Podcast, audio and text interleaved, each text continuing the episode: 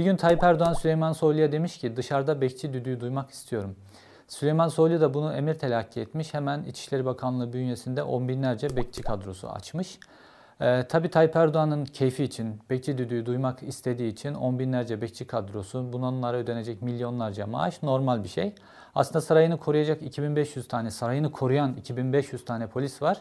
Bunlardan herhangi bir tanesine bekçi düdüğü verilip Tayyip Erdoğan'ın bu düdük duyma ihtiyacı karşılanabilirdi. Hoş e, sarayı e, bilmem nükleer füzeler bilmem ne tip füzelere dayanıklı olduğu için düdük sesinin de dışarıdan duyulması mümkün değil. Zaten sarayı da böyle devasa bir bahçe içerisinde mahalle bahçesinin düdüğünün de duyulması mümkün değil. Ama bunların hepsi hikaye tabi. Olay muhtarlarda başlamıştı aslında. Erdoğan Cumhurbaşkanı seçildikten sonra düzenli olarak sarayda muhtarları toplamaya başlamıştı. Bu muhtar toplanmaları böyle düzenli bir hale geldikten sonra bir nevi böyle istihbarat örgütüne dönmeye başladı muhtarlar. Hatta Tayyip Erdoğan bunu canlı yayında açık açık muhtarlara söyledi. Muhallenizde ne oluyor ne bitiyor bunlardan sizin haberiniz var ya da bunlardan sizin haberiniz olmalı ve bunları bize bildirmeniz gerekiyor. Şimdi muhtarlarla bu bekçiler senkronize bir güç haline getiriliyor. Tabii ki örnek nereden? Örnek her zaman olduğu gibi Orta Doğu'dan. İran'da toplumu elde tutmak için BESİŞ denilen bir teşkilat var. Bu Türkiye'de çok bilinmiyor. Türkiye'de daha çok devrim muhafızları konuşuluyor. Fakat toplum baskı altında tutmak ve toplumsal refleksleri frenlemek için İran'da daha çok BESİŞ teşkilatı kullanılır. Ve BESİÇ camiler üzerinden örgütlenir. Camilerin içerisinde BESİÇ'in bir bürosu vardır. Çünkü Şiilikte Müslüman olabilmeniz için bir imama tabi olmanız gerekiyor ve imama tabi olduğunuzda da mahallenizdeki o imamla bir irtibatınız başlıyor ve Besiş Teşkilatı da baskıyı bu ranın üzerinden kuruyor. Tabi Türkiye'de temel belirleyici olan şey camiler değil devlettir. Din değil devlettir. Osmanlı'dan beri böyle olmuştur. Esas belirleyici güç devlettir.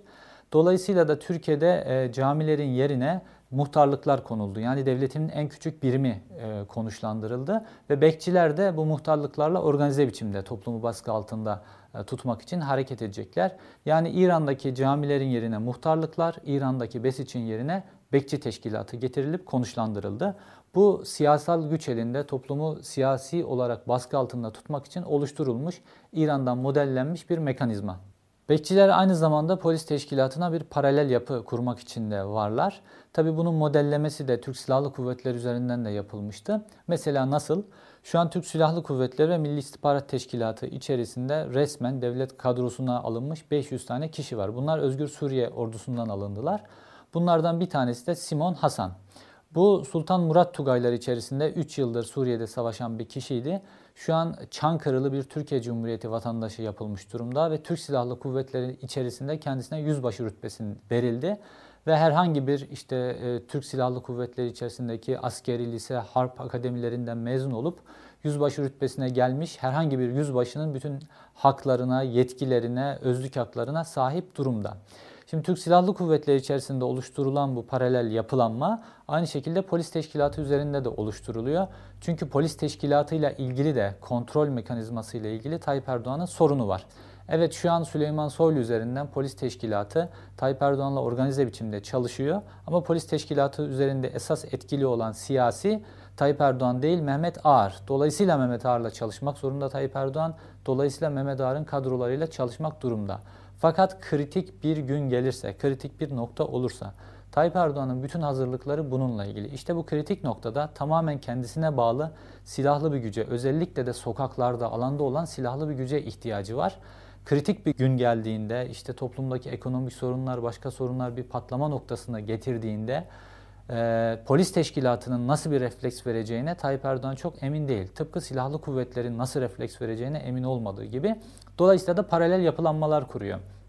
Mesela Sadat üzerinden işte az önce de söz ettiğim gibi Türk Silahlı Kuvvetleri içerisinde bir kısım değişiklikler yapmak, bir kısım paralel teşkilatlar kurmak üzere hareket ediyor.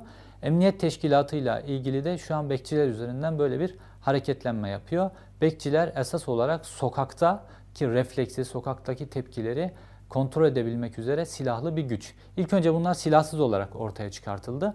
Aslına bakarsanız Türkiye'de geçmişten beri var olan mahalle bekçilerini yine AKP iktidarı kaldırmıştı. Bunlara ihtiyaç yok diye. Fakat şimdi mahalle bekçileri bu sefer başka türlü geliyorlar. Silahlı ve son derece yetkilerle donandırılmış biçimde.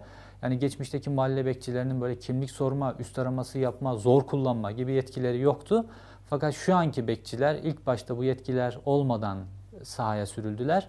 Fakat fiiliyatta bu yetkileri kullanmaya başladılar. Şu anda da resmi olarak bu yetkiler tanınıyor. Peki silah kullanma yetkisi olan, zor kullanma yetkisi olan bu bekçiler bununla ilgili eğitiliyorlar mı? Hayır çünkü böyle bir eğitime ihtiyacı yok.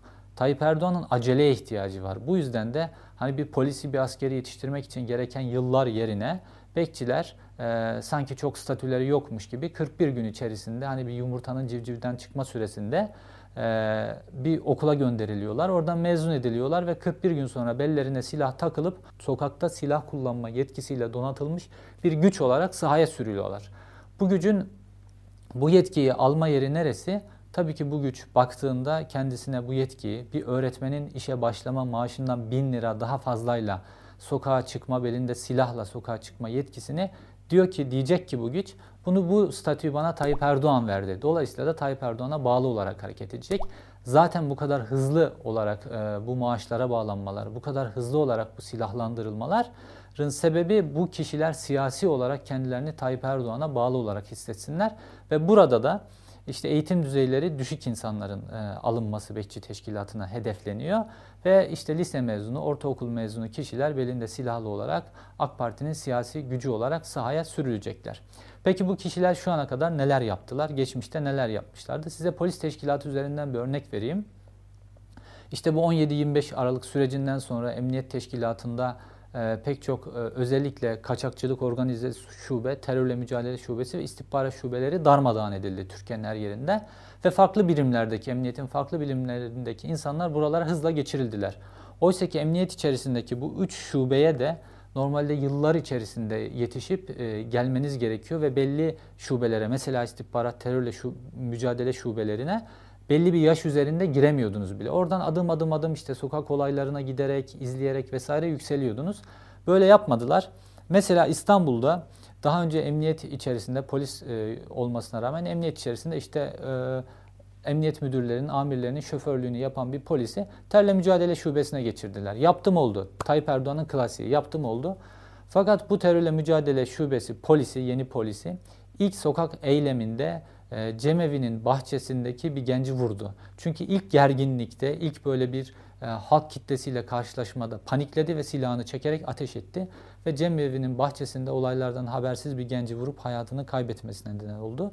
Şimdi bekçiler de bu tip olaylara başlıyor. Daha yeni sıcak bir olaydan örnek vereyim size. Malatya'da dört tane bekçi sarhoş bir şahısa müdahale ediyorlar. Dört bekçi bunların hepsinin silahları var.